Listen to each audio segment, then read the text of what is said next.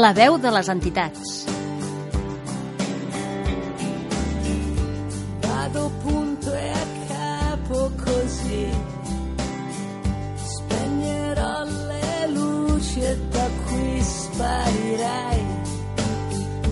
Pochi attimi.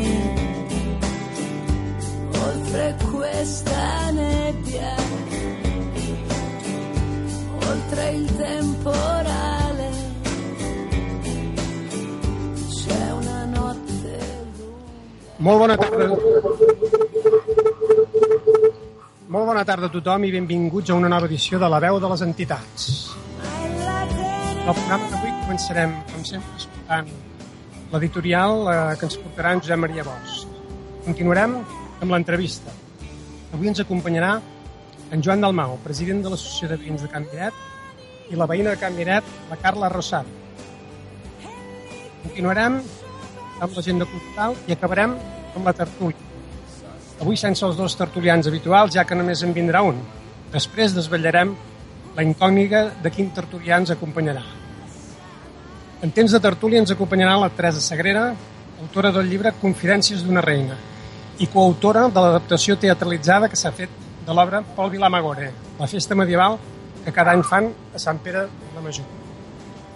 També ens acompanyarà en Jaume Bausis, autor, juntament amb la Teresa, de l'adaptació teatralitzada de Confidències d'una reina.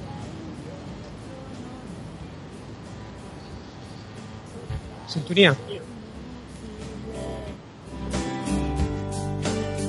capirai.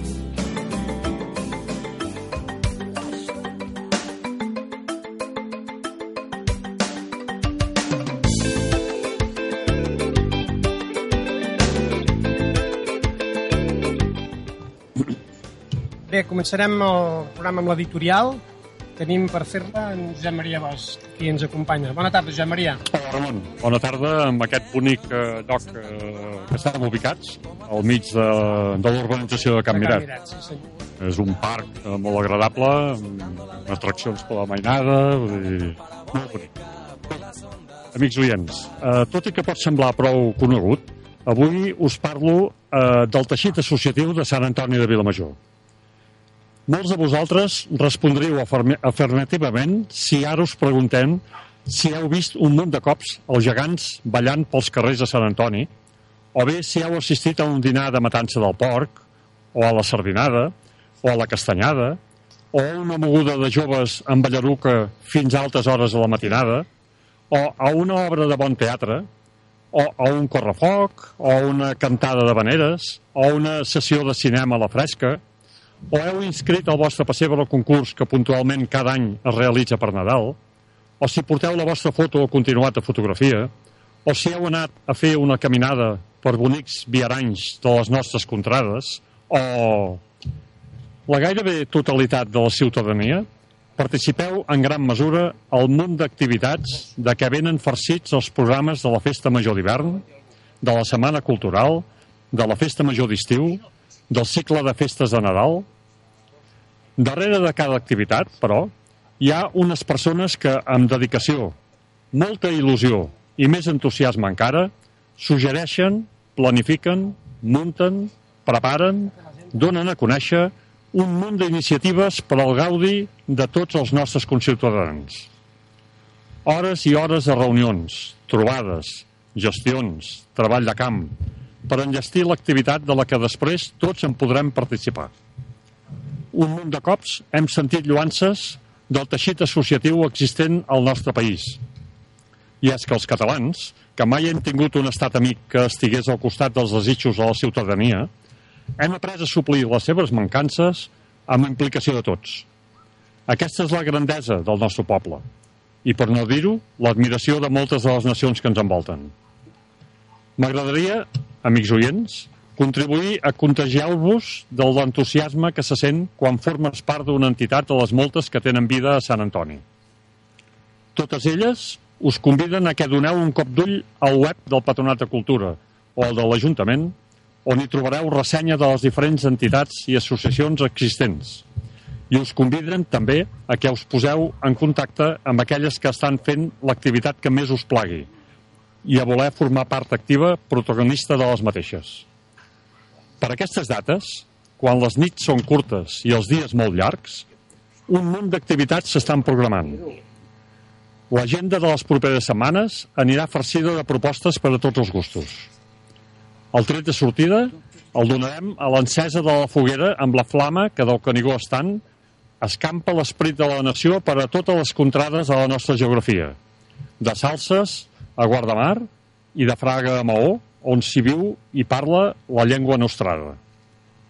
La rebella de Sant Joan, la nit més curta de l'any, dona continuïtat a la festa, però tots els caps de setmana de juliol, amb les propostes de les nits d'estiu a la fresca, podran gaudir d'esbarjo amb companyia de veïns i coneguts.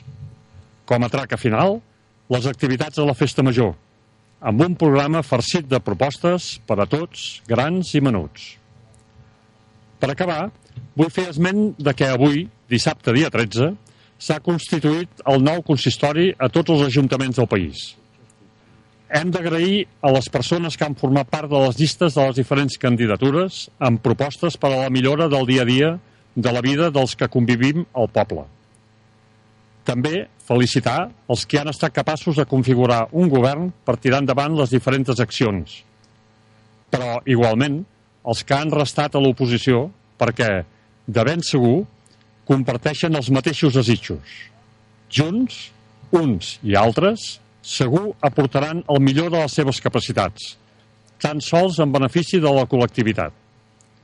També aquesta unitat d'acció, segur, quedarà reflectida amb un treball colze a colze amb les institucions nacionals que han de recollir el mandat que se'ns convida a donar el 27 de setembre, que esperem sigui majoritari, per constituir la nova República Catalana lliure i independent. Finalitzem, com és habitual, amb un recull de les moltes dites populars que fan referència al juny i al solstici d'estiu. Al juny, la pluja és lluny, i si plou, cada gota és com el puny. Pel juny, la falç al puny. Al juny, el fred s'esmuny. Per Sant Joan, el blat al camp per Sant Pere, el blat a l'era. La nit de Sant Joan, la més curta de l'any. Per Sant Joan, el joc. Per Nadal, el foc. I finalment, qui va de festa a Sant Marçal i hi dorm, i va pel juny i torna pel juliol. Amics oients, fins al mes vinent. La sintonia, si plau.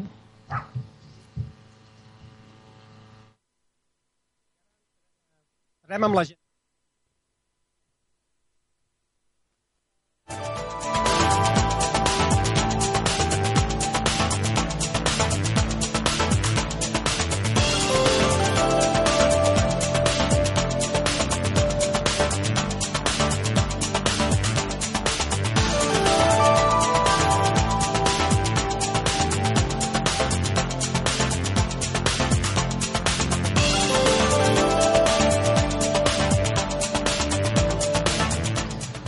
Agenda cultural. Activitats de Sant Antoni i Sant Pere de Vilamajor del 15 al 21 de juny. Dilluns, dia 15. Al vestíbul de la Biblioteca de Sant Antoni de Vilamajor, intercanvi de guies de viatge i revistes d'anys passats. Per, per aliments que aniran destinats a càrrec a càries de Sant Antoni de Vilamajor, podeu portar llaunes de tonyina, de sardines, arròs, farina, oli, sucs, llaunes de tomàquet, xocolata en pols i productes de neteja personals i de la llar. Per cada aliment que porteu, us podreu endur una guia de viatge o un màxim de 5 revistes. Horari d'estiu a la Biblioteca de Sant Antoni de Vilamajor. Del 15 de juny al 15 de setembre, entre setmana, l'horari serà el següent. De dos quarts de 4 a dos quarts de 9 de la tarda i els dimecres de 10 a 2 del matí. Romandrà tancada els dissabtes. Dimecres dia 17. Sortida dels caminaires de les faldes al Cap de Creus. Dimecres i dijous. Estada en hotel. Més informació a la web dels caminaires de les faldes. Baris. Els propers dies 11 i 12 de juliol hi ha prevista la tradicional sortida d'estiu que ve cada any el Club Excursionista Caminaires de Vilamajor organitza. Aquest any s'ha programat a Horta de Sant Joan, a la Terra Alta. Les activitats previstes són vàries, aptes per a, tots, per a totes les sensibilitats i possibilitats de tothom. Inscripcions obertes fins al dia 22 de juny.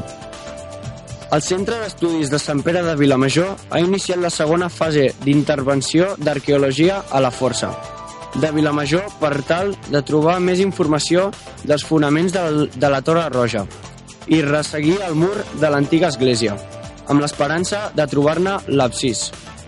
L'actuació compta amb el vistiplau de la parròquia, de l'Ajuntament i de la Generalitat i es preveu que duri, que duri diverses setmanes.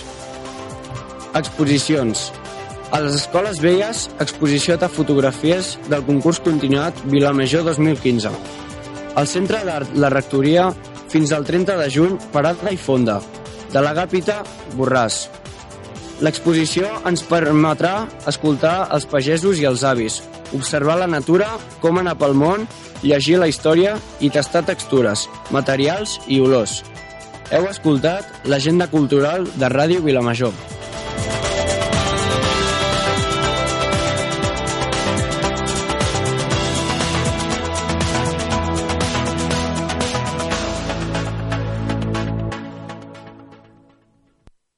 Continuem el programa i tenim una trucada amb el president del, de l'Associació de Geganters de Vilamajor, en Xavi Tella. Xavi, bona tarda.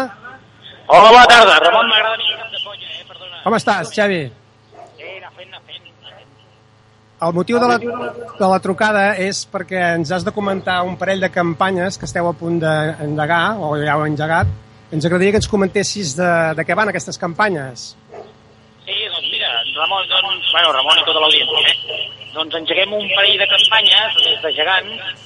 Una, bàsicament, és per donar a conèixer el fet de que hi ha molts pobles de Catalunya que, que els xumets, quan un és un nadó, ja dona els xumets als reis, doncs hi ha molts llocs de Catalunya on la, la ganaia no s'espera que sigui Nadal per donar els xumets als reis i els donen els gegants del poble i ja de fet la passada festa major dos nadons de Sant Antoni van donar el seu xumet a, a la papeta de la Bogadera i són el Luc i el Marcel, van ser els primers. De fet, primer va ser el Marcel, després Luc, i, i ara doncs, comencem a fer-ho popular i tot plegat, perquè molta gent ens ha demanat aviam com funcionava, i de funcionar no funciona de cap manera, simplement per festa major, si ja ets un bailet petit de Vilamajor, però t'has fet prou gran per deixar el xumet, doncs Papeta la Bogadera estarà encantat de que pengi del seu cabàs i fer-lo ballar a totes les cercaviles on participa.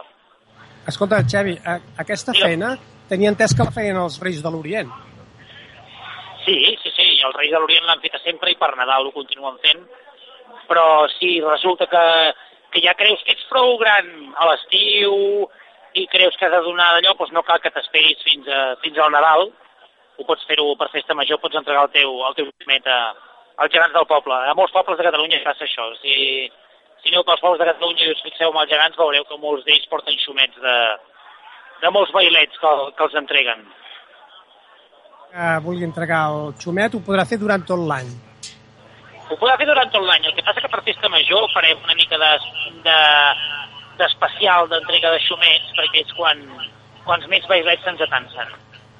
Val. Jo crec que és una tasca que els hi traieu als pares, que una tasca molt feixuga aquesta, eh? Penso que és una bona idea. Sí, esperem, esperem que tingui la, el seu èxit i, i rutgi com mana. I la segona campanya que voleu engegar, quina és, Xavi?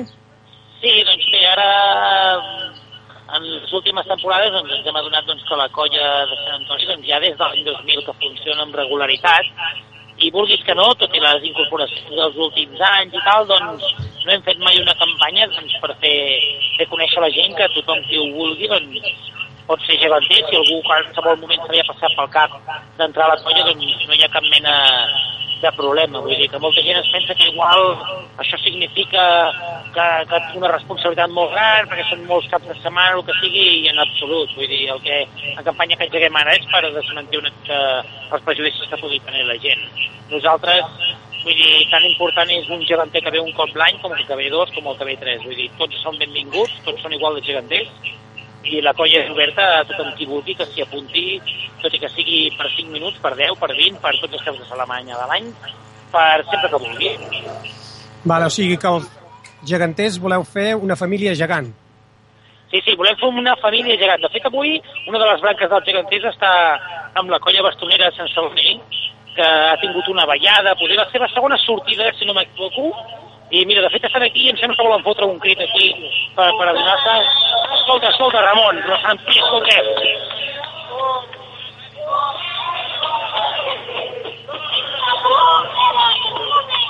Bé, ho, ho heu sentit, no? Fer-ho? Saps què passa, has sentit, Xavi? Ramon? Que Digue'm. estem en un parc de Can Miret i tenim algun problema de so i no ens arriba massa bé. Bé, Però doncs, alguna cosa Res, han sigut eh? quatre crits, han sigut quatre crits de quatre xalabrats que ballen bastons, que és una de les branques de la colla de Sant Antoni de Gegants.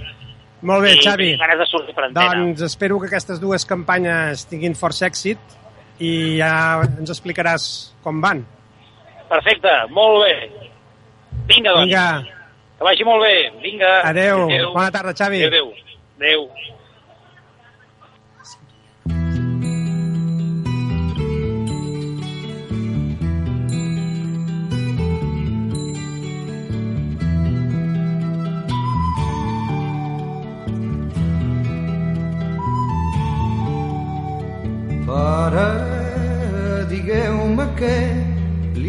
Fet al riu que ja no canta. Rellisca com un barb mort sota un pam d'escuma blanca. Pare, que el riu ja no és el riu. Pare, abans que torni l'estiu, amagui tot el que és viu. Pare, digueu-me què li han fet al bosc, que no hi ha arbres. A l'hivern no tindrem foc, ni a l'estiu lloc per aturar-nos. Pare, el bosc ja no és el bosc. Pare, abans de que es faci fosc, ompliu de vida el rebost. Sense llenya i sense peixos, pare, ens caldrà cremar la barca. Llaura el blat per les enrunes, pare, i tancar amb tres panys la casa i dèieu vostè. Pare, si no hi ha pins, no es fan pinyons, ni cucs, ni ocells. Pare, on no hi ha flors, no es fan abelles, cera ni mel.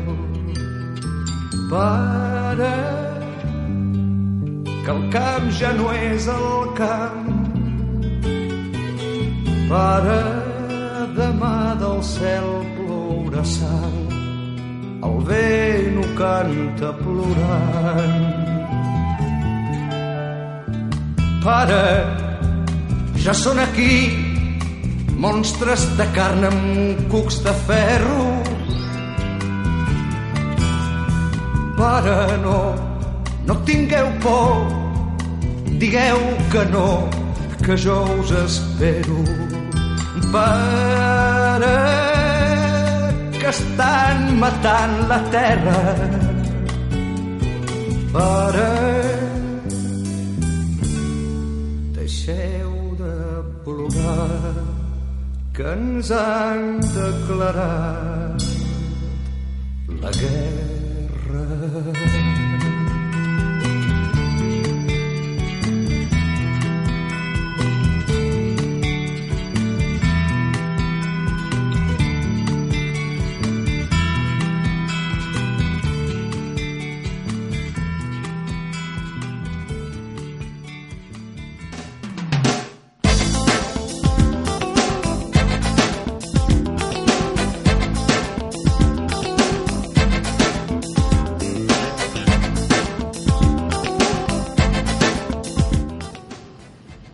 Continuem amb l'entrevista I uh, m'he oblidat una cosa al principi del programa, que fem el programa des de Can Miret, l'organització de Can Miret, a un parc que es diu Parc Infantil.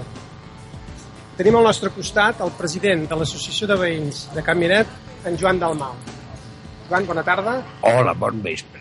I ens acompanya també la Carla, que és una veïna de Can Miret. Carla, molt bona tarda. Molt bona tarda a tothom.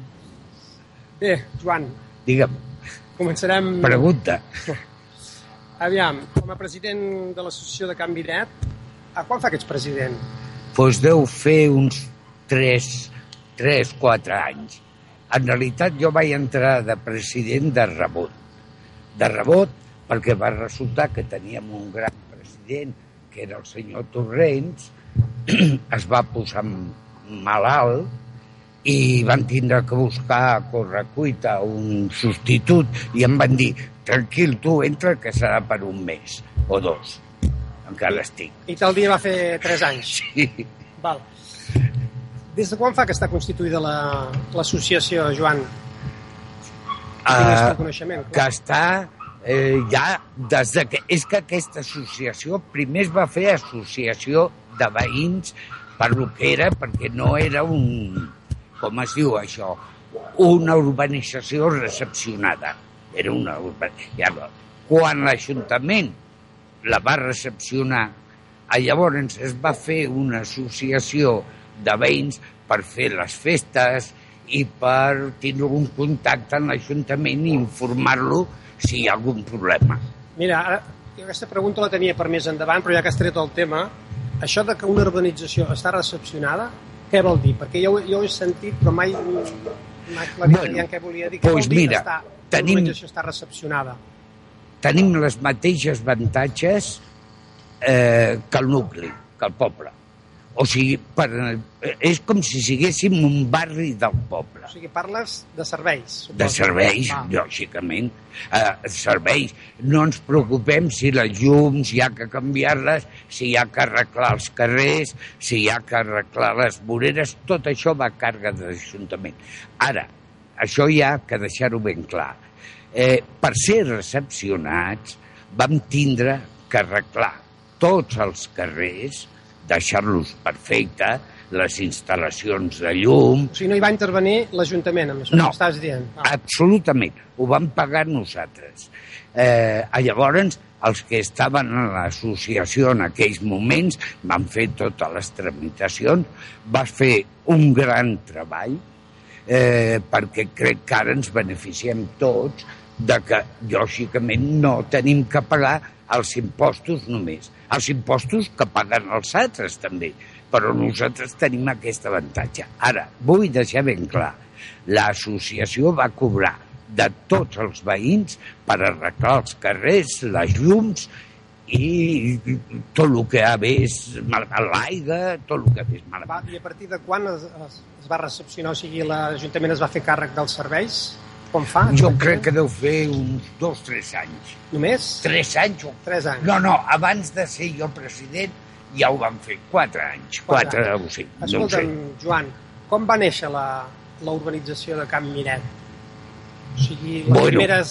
Eh, va haver dos constructors, un era Planillo, Planilla, em sembla, Planillo que es deia, eren dos constructors que van fer, eh, ho van parcel·lar, ho van fer i van començar a vendre terrenys. I quin any era això? No ho sé. No ho sé. I jo em sembla que va ser el 78, però, cuidao, mm, no tinc papers per justificar-lo. Perquè va néixer com a segones residències. O sigui, Sí. hi havia gent... i La gent venia al cap de setmana aquí. cap de setmana. Sigui, va Eh, com una urbanització de segones residències al, al peu del Montseny. Sí. Eh, també hi ha que tindre en compte que van haver una sèrie de veïns que van ser els primers, eh, per nombrar alguns, podré dir que és el Bernardo i l'Alicia, eh, els Massip, eh, bueno, van ver els fundadors, anem a dir. De totes maneres, ara he mencionat Massip, m'agradaria eh, deixar constància que aquí van haver unes persones que van fer molt per la urbanització. Menciono aquestes persones, jo no dic altres, però els que menciono és que ja no estan aquí amb nosaltres, per desgràcia. Un va ser el senyor Massí, l'altre va ser el Xavier i l'altre va ser el Torrents, que va ser president. Van posar el coll per la urbanització. Quan parles d'en Xavier és en Xavier Eduard, no? Sí, havia ser, que va ser regidor Sí. de l'Ajuntament. i va fer molt per la urbanització des de la regidoria perquè jo ho tenia molt fàcil, anava, parlava amb ell i eren una amiguete. Vull dir que no tenia problemes. Molt bé, Joan, el, això o sigui, va començar com a segones residències, però tinc entès que aquestes segones residències ja comencen a ser primeres residències. Sí. Es pot dir que ja tota l'urbanització són primeres residències o No. encara hi ha segones residències? Ja el segon és per al mínim. Eh, jo tinc aquí una nota. El, per exemple, hi han 478 persones, famílies, eh, censades eh, a l'Ajuntament.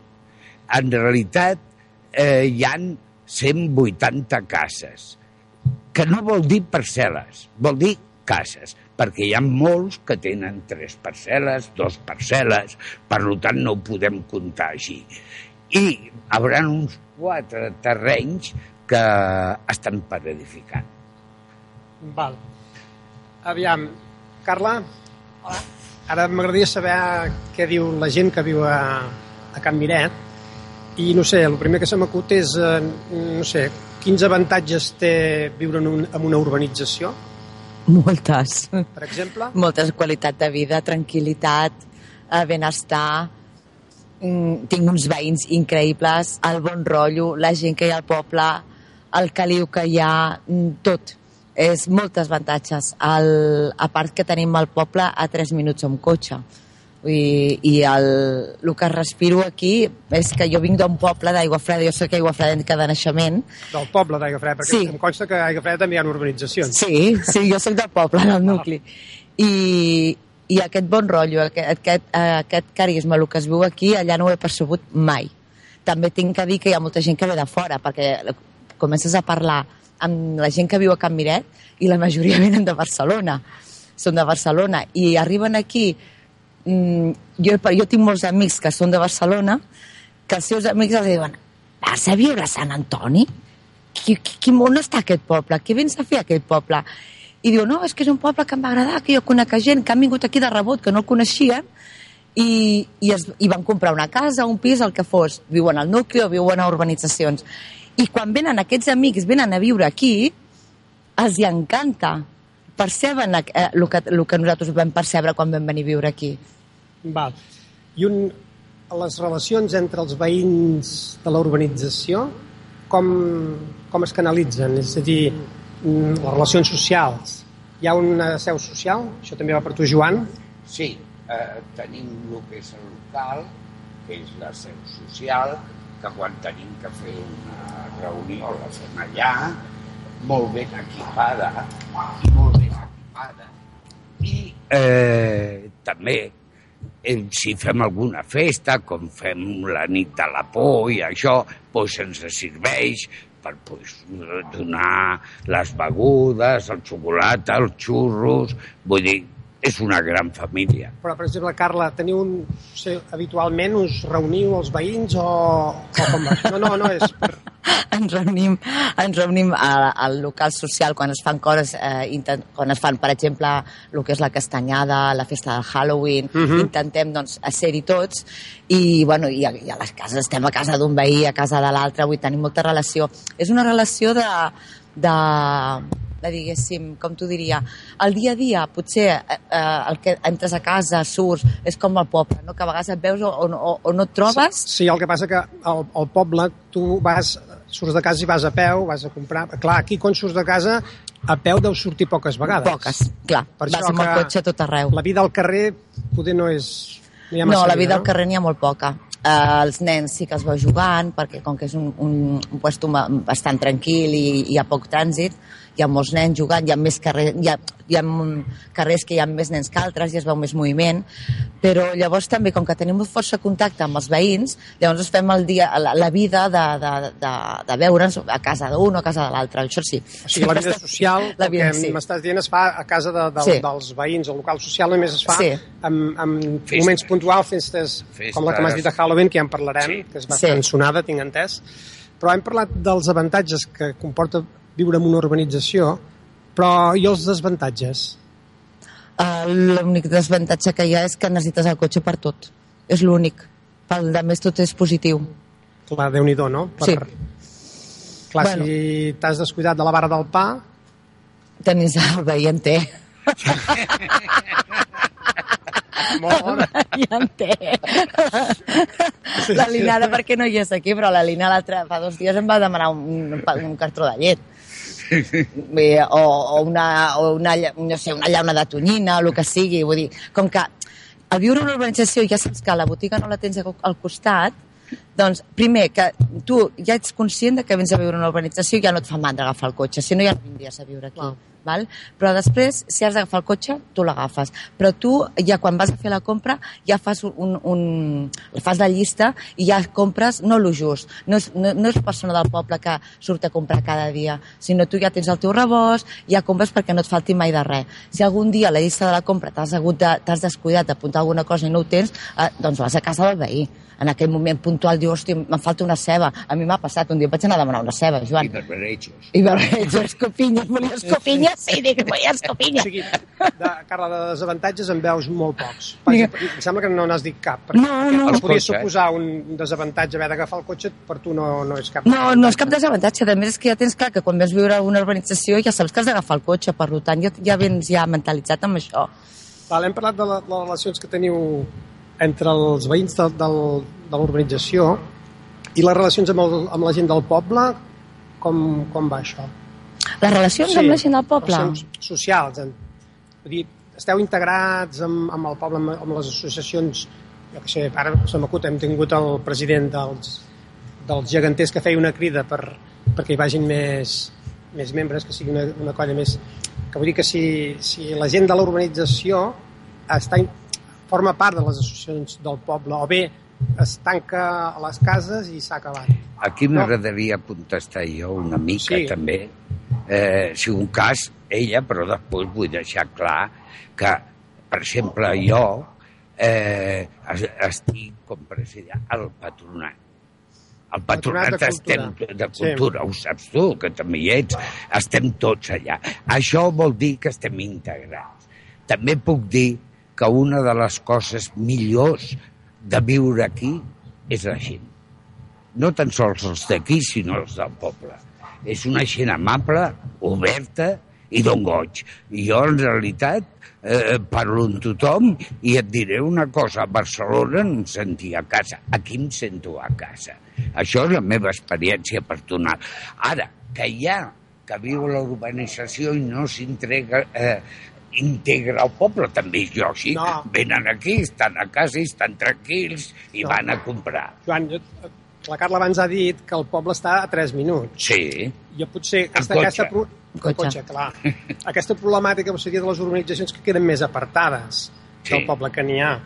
Que poder, aquestes queden com més aïllades i costa més d'anar al poble a fer el que sigui. Sí. Poder, no sé, anava per aquí, de, de que la gent es queda a casa i ja està bé a casa i no, no forma part de, de, de cap eh, associació pel fet de que li suposa doncs, haver de cada cop que hi ha reunió o assaig o el que Sí. sigui, haver de traslladar-se al, al poble. El que, Aquí no és un vol, imp- impediment. Aquí, el que vol ho pot fer tranquil·lament i el que li agrada ho fa i el que s'estima més està a casa tranquil·lament, igual que els del poble que s'estan a casa i no surten, doncs també. Vull dir, això va al tarannà de cada persona. Val, Joan, com a president del, de l'associació, la relació amb, amb l'Ajuntament de, de Sant Antoni, et parlo com a president, Mm. és bona, Per mi és excel·lent. és excel·lent. no tinc que dir una altra cosa, és veritat. També és veritat que quan tenia el meu amic Xavi, a més d'excel·lent, era estupenda, però sí, bueno. ens ho has deixat clar abans. Has deixat Vale. molt clar abans.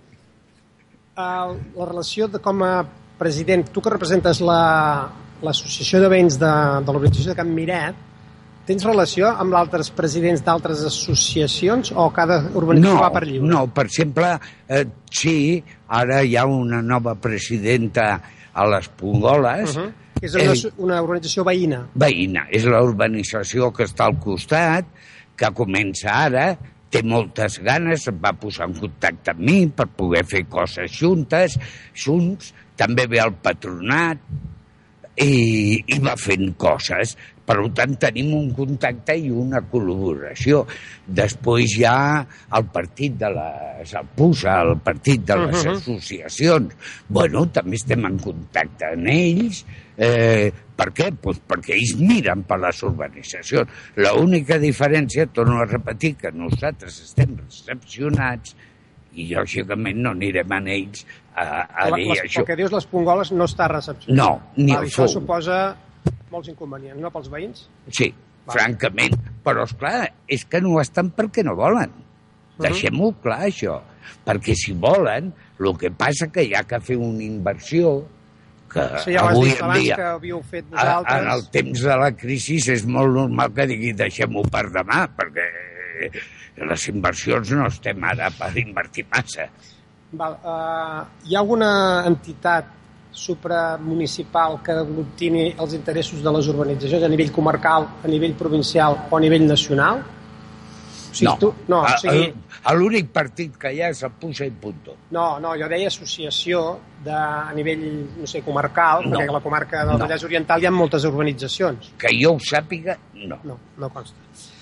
Carla, Digues. uh, m'he enterat que hi ha una festa que surt la gent al carrer, i molta gent al carrer, que és la festa de Halloween. sí, sí, cada vegada. explicar, perquè no, no, aquesta festa comença a tenir molt ressò, almenys allà al poble, I fora del molts poble. veïns vinguin a... Ens pots explicar com ho feu?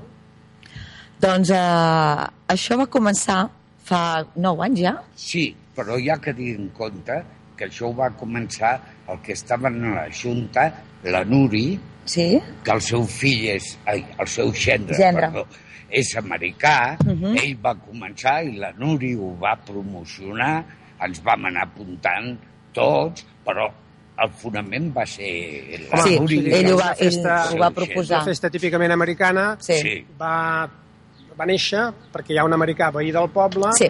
que la va promocionar. Ah, Bueno, veí del poble, sí, que viu Sí, aquí.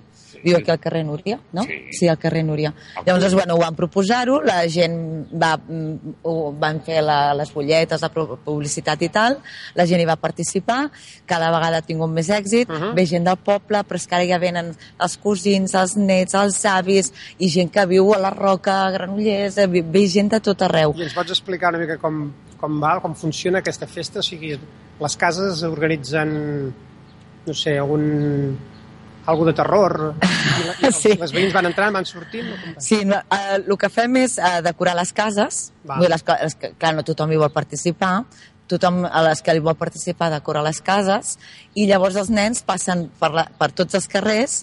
Al principi es feien com unes guies, te'n recordes, Joan? Sí. Vale, es, feia, es feien... per donar sí. Sí, els, es, on, on les cases que Però participaven... es- van passar a posar llums... Sí, les carbasses il·luminades i tal. tot. Llavors, bueno, què fem? Doncs anem voltant per tota... Els nens van voltant per, totes les, per tots els carrers i van fent el truc o tracte. Llavors, on, va, on està la casa decorada, doncs allà entren. Llavors, Perdona, has dit Truc o tracte. truc o tracte? Truco o trato. Codi, això... És el, és el truco o trato. Diu, és, sí, Típic americà. sí que es diu, bueno, bueno, és quan et donen els carmels o l'ensurt, no? Va. I, bueno, normalment és les dues coses.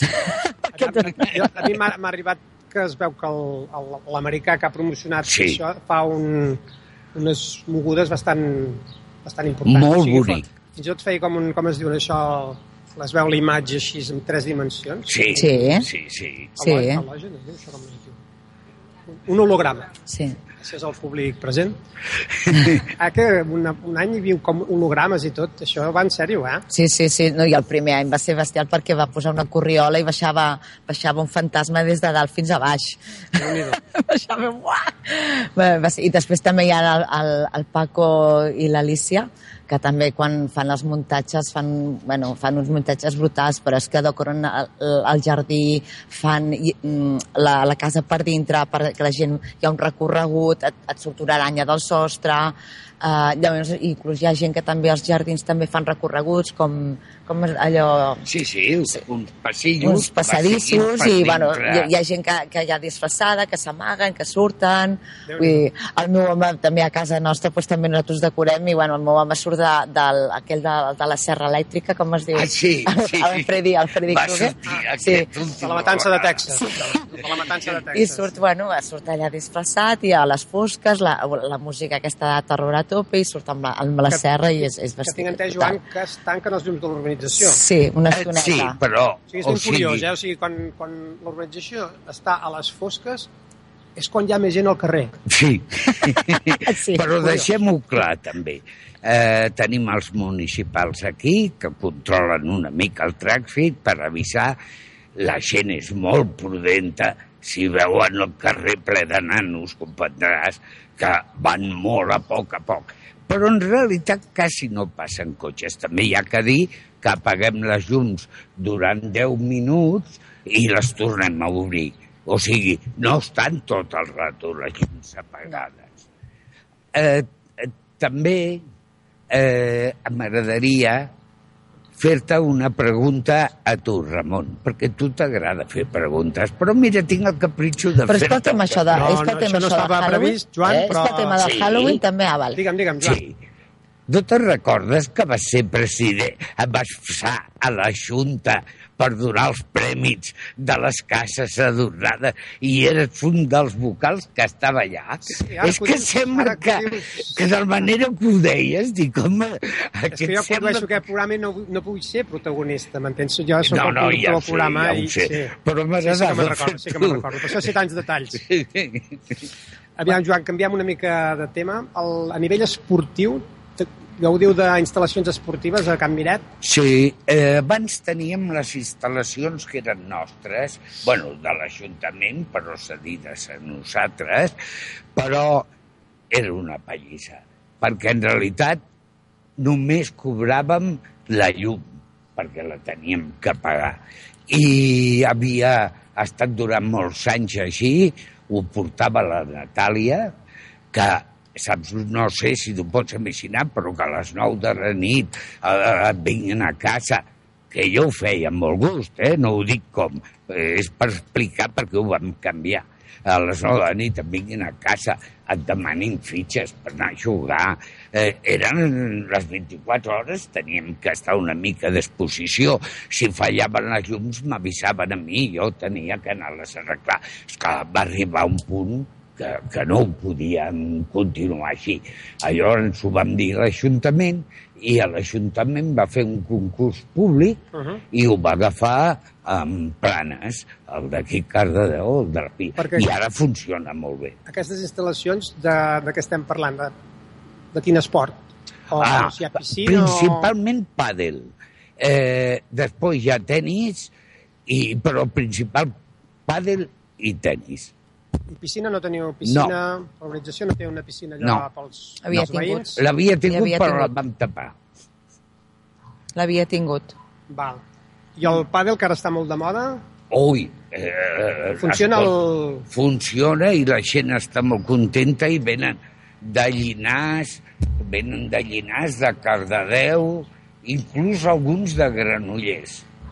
I Ara s'ha fet de moda això del Sí. pàdel Sí, i ve molta gent. sí, sí, crec que ho va popularitzar el president d'algun govern espanyol, no recordo. crec. Sí, que portava un bigotet. No Crec me'n recordo. Sí, sí, sí jo, jo sí que me'n recordo. Jo sí Ara ho porta en. Jordi, en Jordi Planes, no ho porta? Sí. Ara ho porta en Jordi Planes la veritat que ho està fent molt bé. O sigui, el, el club de pàdel funciona. Sí. O sigui, Sí, molt així, bé. Així com jo tinc la imatge de veure pistes de tenis a les urbanitzacions en bastant mal estat, no per res, sinó perquè no, no, no Sí. les fa servir ningú, el pàdel... Bueno, aquí... No sé si és perquè està de moda o què, però funciona, no? Quan ho va agafar el Planes, Sí. va fer arreglar, eh, van arreglar una pista. Ja es havia fet abans una pista que quan era que ho portàvem nosaltres, Uh -huh. el regidor d'esports, que era el Xavi, la va fer aquí les pistes, i, però quan ho, ho van agafar aquests, ho van, havia més per arreglar. Val, ja anem acabant. Joan, ens podries comentar algun projecte de futur per l'urbanització, algun pla que tingueu previst de cara... Que jo sàpiga com plans és el de cada any mirar de fer les festes pels nanos, que això és el que més a la Junta. A la Junta hi ha la eh, Maria Rosa, eh, hi ha la Natàlia, hi ha la Nuri, eh, la Rosa Mari, i dic Maria Ro Rosa Mari, Rosa Mari, Natàlia i Nuri, que són les que s'encarreguen de les festes a la Junta. Eh, per tant, elles són qui ho porten, em refereixo a totes, elles ho porten, elles ho munten, molt de cara als nanos, que és la nostra principal preocupació. Molt bé, doncs moltes gràcies Joan, gràcies per acollir-nos aquí al parc infantil, quedàvem que es deia aquest parc, Sí. el parc infantil. Sí. Del carrer Vegas, I és del carrer Vegas. gràcies a tu, Carla, tu, Carla, també, per, Sí. per explicar-nos aviam com funciona la vostra organització, per conèixer-la una mica més. Volia comentar-te una coseta, si Digue'm, em permets. No, que era el tema de, del Halloween, Sí. que, bueno, que fan un berenar abans de, de que els nens surtin al carrer, fer el trucatracte, i després fan un, també una pinyata i tal. Però també que sapigueu que després d'aquesta festa celebrem la castanyada. Vull dir, que ho tingueu en compte. Val. Val, no, que- fa de bon sentit. Fa Eh? de bon sentit. Que celebrem, ho, que ho celebrem tot. o sigui, tradicions americanes Aquí- i catalanes. Sobretot les catalanes. Però de- fa de molt bon sentit. A això, més eh? a més, però, però clar, reconeixem que el Halloween és molt més divertit i la canalla eh, es partic hi participen, llavors doncs ho fem així per ells, però que ho celebrem tot. Carla, queda dit, eh? Val, Doncs gràcies. res, moltes gràcies a tots dos per acollir-nos, eh? Bona tarda. A vosaltres. Bona tarda.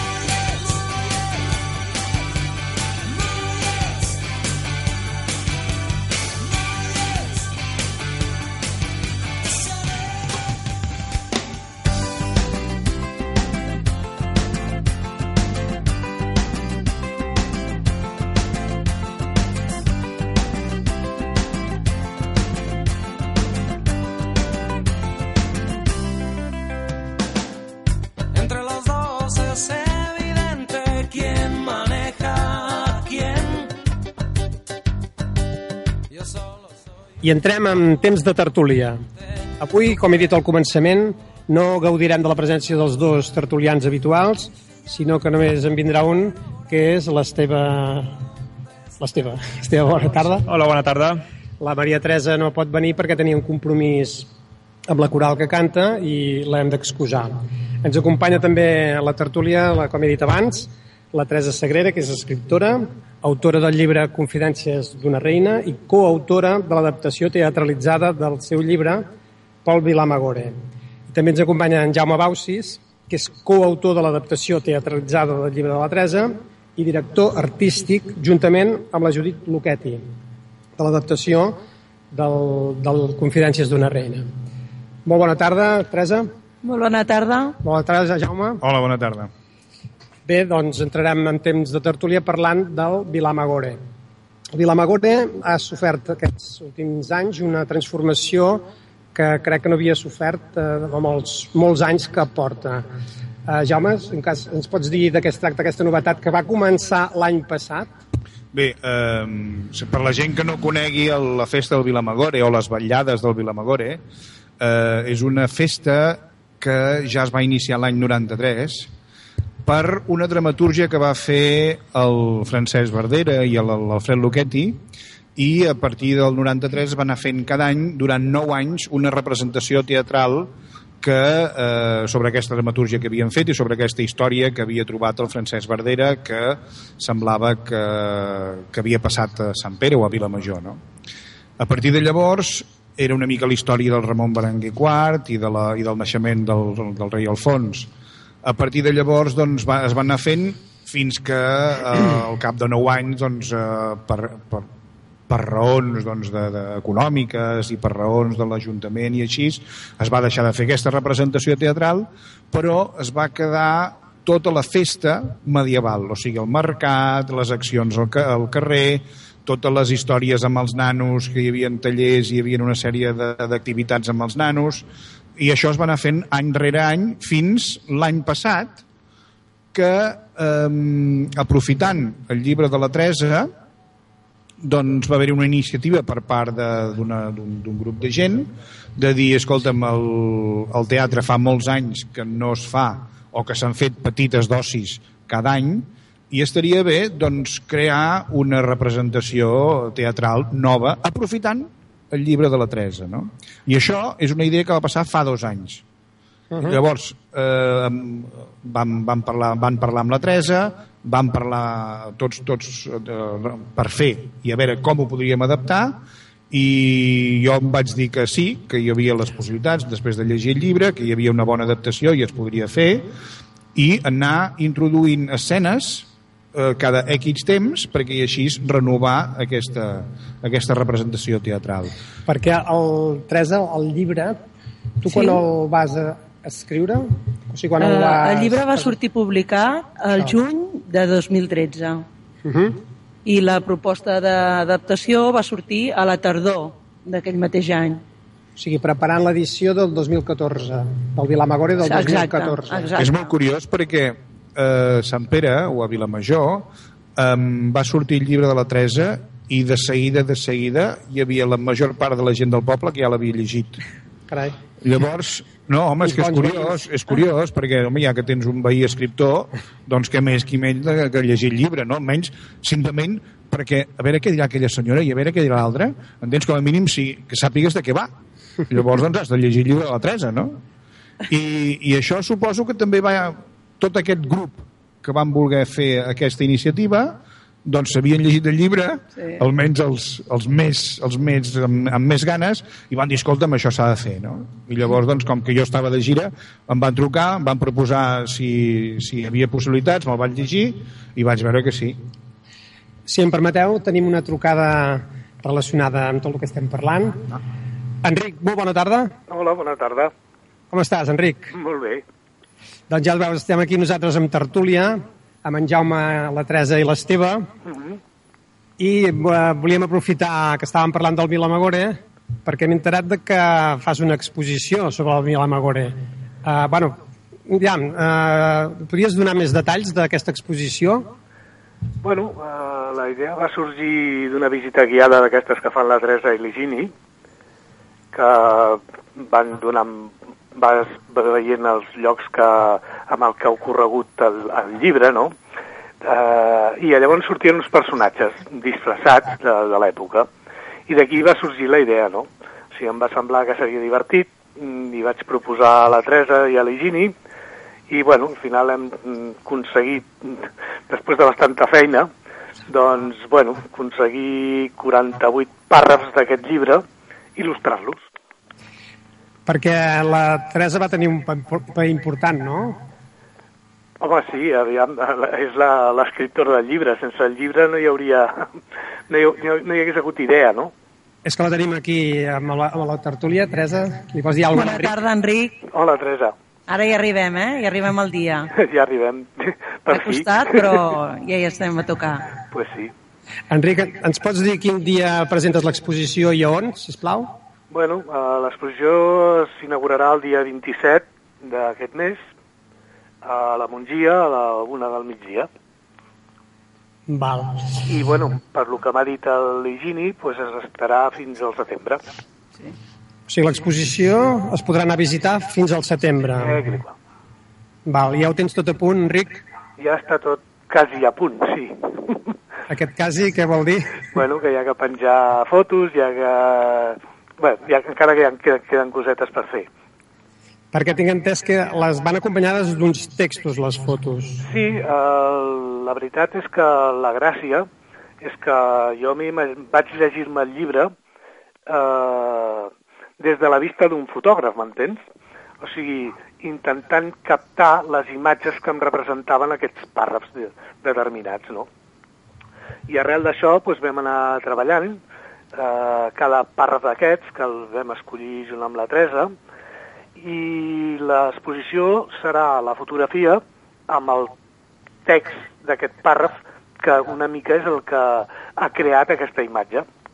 Perquè aquest text, Teresa, és una part del llibre o l'has fet expressament per comentar la foto que va fer de l'Enric? No, són, són trossos del llibre que eh, en part doncs, ja els havia triat eh, quan ens va fer la proposta de projecte l'Enric i després vam acabar de perfilar eh, amb mi i amb l'Higini, bueno, amb l'Higini i amb mi, perdó.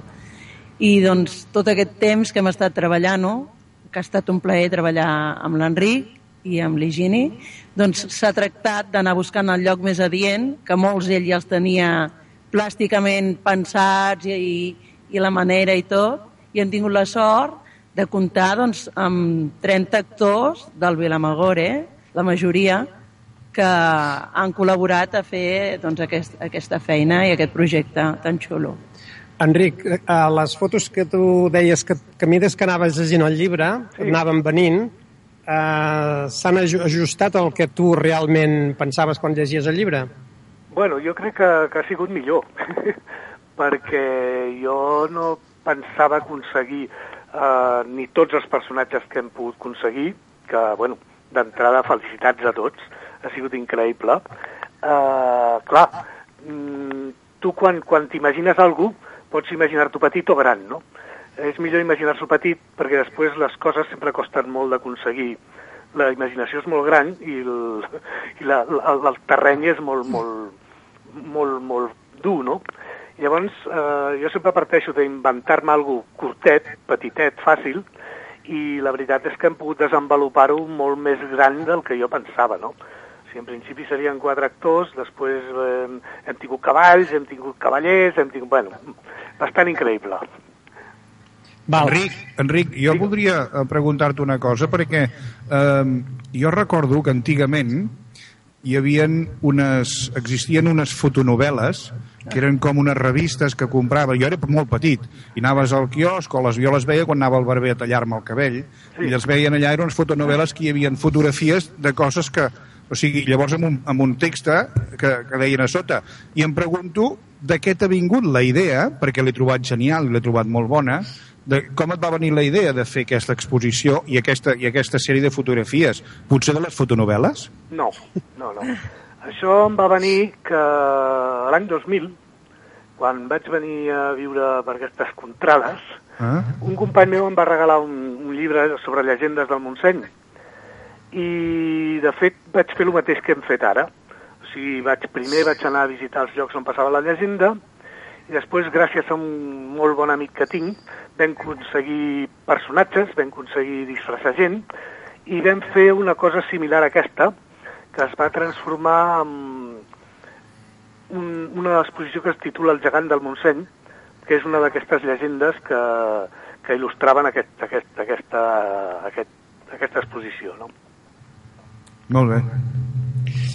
Bé, Enric, aquesta exposició la faràs amb, amb altres llocs o es quedarà només a Sant Pere, a la Mongia? Bueno, si, si ens la demanen, evidentment la portarem. Ja n'hem parlat amb la Teresa de que quan més la puguem fer córrer, millor. Vull dir, jo crec que, és que, que bueno, pot ser prou interessant perquè la gent li faci gràcia veure-la i, bueno, mm, en principi la idea és, és fer-la córrer. Bueno, de, de moment il·lustrarà molt bé la, la, la Vilamagore d'aquest any, no? Uh, de moment sí, suposo que és com la, la, la rentré, la, la portada d'aquest Vilamagore d'aquest any. Home, és un bon acompanyament. Bueno, Fer-ho- aquesta era la, la idea... Anar fent boca, tres, eh, Enric? La Virginie i la Teresa i meva, no? O sigui, uh, també tinc que dir que l'Higini ha fet una gran feina de maquetació, o sigui, ha creat un, unes maquetes i, bueno, molt, bueno, ja ho veureu. Molt bé, doncs emplacem a tota l'audiència que vingui el dia 27 de juny a la una del migdia a la Mongia, a partir del 27 de juny, per veure l'exposició. Pues sí, Doncs, Enric, que vagi molt bé Vinga. i que, que tingui molt èxit la- l'exposició. moltes gràcies. Gràcies a tu. Vinga, adeu. Adéu, Enric. Adéu, adéu. Bé, continuem després d'aquest petit... Després de la sorpresa. Bé, tenim aquí l'Esteve, que és un visitant del Vilamagore, que ens podia comentar l'any passat com va anar, el que ens ha explicat en, en Jaume. Bé, doncs eh, l'any passat, doncs, a, a, amb tots aquests canvis que hi van haver, doncs, a, com, a, com a públic, una de les coses que sí que, que, que va manifestar certa preocupació és que era difícil seguir els diferents escenaris. Hi havia tanta gent que o estaves molt a primera fila o difícilment podies seguir realment el que estaven eh, fent en aquell moment els actors. I pel que m'han comentat, aquest any sé que hi ha alguns petits canvis per tal d'afavorir doncs, que això, que quan hi anem que puguem seguir doncs, a tot el fil de- d'aquestes actuacions que feu. Sí, eh, l'any Jaume, ens passat... pots explicar aquests canvis? Sí, l'any passat, a veure, es va... Eh, la idea la idea partia de que teníem un marc incomparable. El marc incomparable eren les parets de l'església, del castell, aprofitar doncs, aquelles pedres i tot això i fer-ho com molt més autèntic perquè el decorat el tenies fet. Eh, a partir d'aquí, clar, ja, ja quan, quan tu fas l'adaptació penses on passarà aquesta escena, on te la podries fer i automàticament, és clar, jo veia, la, jo veia davant de l'església en aquella placeta. Després, per logística, també dius que di- penses, diu, bueno, al millor eh, cabran 100 persones o, clar, però la gent va desbordar allò. Llavors, lògicament, enguany, eh, hem aprofitant que a més a més hi ha hagut un, un com es diu, un, un això arqueològic, un, Ah. un forat allà al mig, eh, que estan buscant pedres i estan buscant els cementiris vells i jo que sé qui ha enterrat allà. L'excavació arqueològica, gràcies. Eh, esclar, just ha sigut al mig de l'escena. Llavors, això també ens ha fet decidir de, de canviar i reubicar les coses, perquè el problema que vam tenir, a part de la capacitat de gent en aquest, en aquest indret, era que també no se sentia gaire bé, hi havia eh, problemes de so, vam tenir problemes de so, vam tenir, doncs, eh, la pujada a l'església era dificultós per la gent i no hi podia accedir tothom. Llavors vam pensar en que eh, reubicar això en el, a, a baix, a la plaça de baix. O sigui, inclús hem fet, a mi instal·larem unes grades perquè els cavalls puguin, puguin passar sense, sense menys perill, eh, perquè les, la batalla que amb els arquers i, tot el, i tots els espases puguin eh, lluitar i, que la, i, i, no, i no molestar o que la gent no es fiqui per dintre la batalla. Per tant, creem un espai on realment sigui molt més fàcil i amb, amb mínima seguretat que l'any passat va ser una mica així eh, aquí aquí lluito i aquí me muero. entens? Bé, va, molts I aquí anys va, la cosa va evolucionar, no? Jo volia preguntar-li a la Teresa, ara que aprofitant la trucada que hem tingut de l'Enric, De l'Enric. que l'Enric ens deia que tenia, mentre llegia el llibre, Uh -huh. tenia una imatge, com a fotògraf que és, Sí. doncs de quina podia ser la imatge d'aquella escena. Tu com a, com a mare de la criatura, podem dir-ho així, tu quan, quan escrivies el llibre t'imaginaves les escenes que, que en Jaume ha dramat, dramatitzat? Uh, jo he tingut la sort, i el Jaume suposo que encara que no li hagi dit ho ha percebut, uh, que des del primer moment que ens vam posar a treballar junts ens hem entès perfectament, no? No m'ha costat gens, hem, hem treballat conjuntament molt bé i no m'he volgut perdre en cap moment cap dels assajos ni cap de, de l'evolució del projecte, no? O sigui, jo no sóc del món del teatre, uh -huh. no sóc una professional del teatre com és el Jaume, que això ja ho és ell, però m'ha agradat molt, des del meu punt de vista, fer les meves aportacions, ser allà per veure com evolucionaven els personatges, i realment, ja ho vaig dir l'any passat quan, quan ho vaig veure, per mi és super emotiu, però és que ja va ser-ho el primer dia que jo recordo que ens vam trobar a la sala a obrir-la i simplement llegien els textos i sé que el Jaume em va dir si podia llegir un tros i estava tan super emocionada que no podia ni seguir el paper jo. Perquè... Sí, no, no, era... A veure, a mi, a mi també perquè quan vaig llegir el llibre i anava llegint, jo sí que anava posant, com feia l'Enric en, en fotografia, jo anava posant decorat. I, I aquesta escena on la podries fer? I aquesta altra on te la podries fer? Perquè, a més a més, com que ja sabia que havia de fer una adaptació d'això, ja anava posant cada, cada, cada escena o cada, eh, cada acció del llibre en el lloc on, on, on, on per mi havia de passar. Eh, enguany, repeteixo, hem canviat el fet de la plaça de l'Església per l'escenari natural de la rectoria i per la plaça de baix, on hi posarem aquestes grades, on hi haurà la gran batalla i tot això. I després les justes es faran al lloc on es feia sempre habitual i el mercat estarà el lloc habitual i tot igual. Però, com a mínim, farem primera part teatral i segona part teatral, amb dos, amb dos espais molt ben qualificats i molt remarcats. Home, jo el que, el que he de dir és que no és massa normal, pel que he llegit i he sentit a dir, de que l'autora d'un llibre estigui tan implicada i estigui tan d'acord amb el- amb- amb- amb l'obra teatralitzada en aquest cas, a vegades es fan pel·lícules. Mm. Sempre hi ha problemes. Sempre hi ha problemes. O sigui, l'autor mai està content. Sí, però... En canvi, aquí veig que hi ha hagut una conjunció... Però és que, a més tot- a més, saps què passa? És, és, és allò que et deia. Vull dir, la Teresa és veïna d'aquest poble. Uh, no sé, jo suposo que quan el, el Marc Márquez corre amb motos, tot el poble està veient la tele. Entens? Clar, en aquí passa una, una mica passa el mateix. Quan la Teresa escriu, tothom llegeix el llibre. Llavors, vulguis o no vulguis, um, si la Teresa es belluga i es, i, i, i es crea un Vilamagore amb confidències d'una reina, lògicament, ella hi és. Vaja, jo no concebeixo eh, fer res sense la Teresa, a més a més d'ajudant de direcció serveis de collons, eh? Ah. O sigui, està molt bé. Sí, Teresa, és un nou, Sí, sí. un nou espai que has descobert. Bé, no, sé, jo m'ho he passat molt bé i a part aquesta relació i aquesta manera de poder viure la teva obra des de molts punts de vista diferents penso que com a autor també t'enriqueix I i, també ha permès doncs, que, per exemple, nosaltres vam començar amb l'Higini fent les visites guiades que us comentava l'Enric Uh -huh. i les set primeres les van fer a l'Higini i jo sols. I de resultes de tot el Vilamagore vam, va sortir la idea de dir per què no les fem amb personatges? I llavors vam començar a fer que ara ja n'hem fet 12 12 no, 13 13 n'hem fet. Doncs ja les hem fetes amb personatges teatralitzades i bueno, ha sigut diferents maneres d'anar veient i d'anar-nos coneixent. Això també ha fet que amb els actors doncs, hi hagi aquest, aquesta bona entesa, aquest bon rotllo, de no perdre el contacte. I aquest any, durant la, el Vilamagore, pel de matí, hi haurà també visites guiades. Això que també és una novetat. Sí. Que- I, i no sé si la- per la gent que ens escolta Sí. és el 4 i 5 de juliol Sí. eh, farem el Vilamagore d'enguany Mhm. i ja et dic, el començarà a partir de les 11 del matí Sí.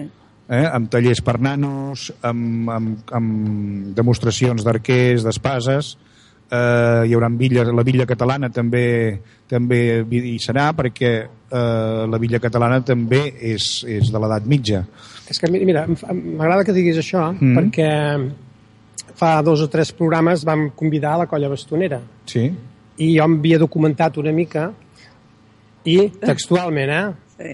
Uh, vaig documentar-me i deia les primeres referències escrites de colla bastonera daten del 1151 quan durant el banquet de les noces del comte Ramon Berenguer IV en Sí. Peronyer d'Aragó es va fer un ball de bastons. Vaig Sí. quedar pasmat, que diria aquell. I clar, els hi vaig comentar als de la colla bastonera i, i clar, em van dir, ah, sí? van quedar com sorpresos i vaig pensar, home, doncs... Home, el que, interessant, no? el que seria interessant és, eh, si no per aquest any, pel proper, eh, tenir un contacte amb aquesta colla bastonera i que ens facin un ball medieval a, a Palau.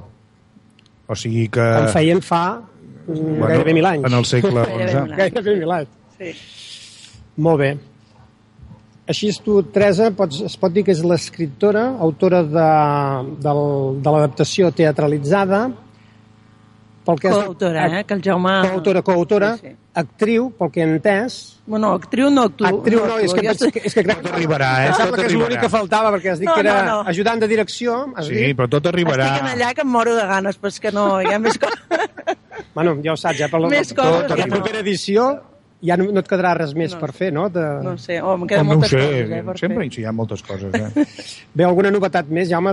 No, en principi, eh, bé, dir que comença a les 11 del matí, durarà tot el, el, sobretot la qüestió més dinàmica amb les visites guiades també al matí pels tallers i tot això, i llavors a partir de les 6, de quarts de 7 de la tarda començaria la primera part de la representació, eh, que acabaria cap a les 7, quarts de 8, les 8, amb les justes de cavalls, i després, a partir de les 3 quarts de 10, les 10, començaria la segona part. No, no diem eh, exactament l'hora, perquè tot també depèn una mica de la foscor. Mm. Eh, perquè volem posar que la segona part ja sigui amb llums i llavors haurem d'esperar que sigui fosc. I com que també hem d'ajustar els horaris a tot un dia, perquè és la primera vegada que fem tota la jornada sencera, des de les 11 del matí fins que s'acaba la segona part, que serà doncs, al voltant de les 11-12 de la nit. Per tant, serà una bona jornada el dissabte i el diumenge eh, també. O sigui que són dos dies que, que serà una festa bastant completa. Molt intensos.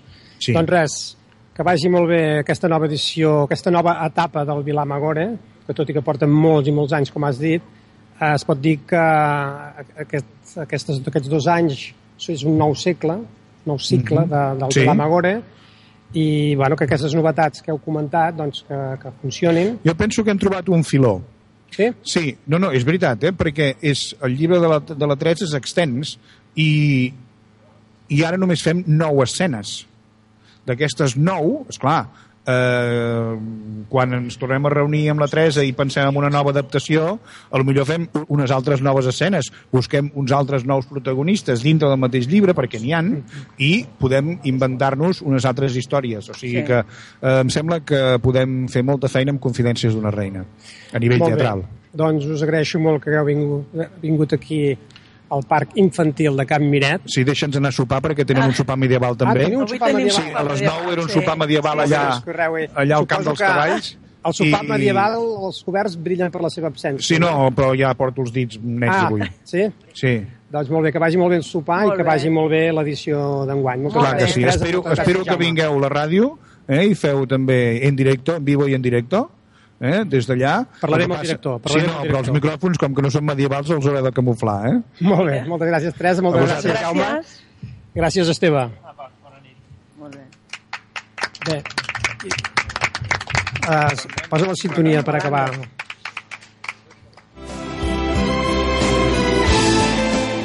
Programa, el proper programa s'emetrà el dissabte 4 de, ju de juliol des de la urbanització de les Pongoles. Podeu tornar a sentir el programa el proper dilluns o bé entrant a la pàgina web i on estan penjats tots els programes i els podeu tornar a escoltar quan vulgueu. Bé, acabarem el programa d'avui amb una dita com fem cada programa. Les persones més insuportables són els homes que es creuen genials i les dones que es creuen irresistibles. D'Hugo Asselin. Molt bona tarda i fins al proper programa.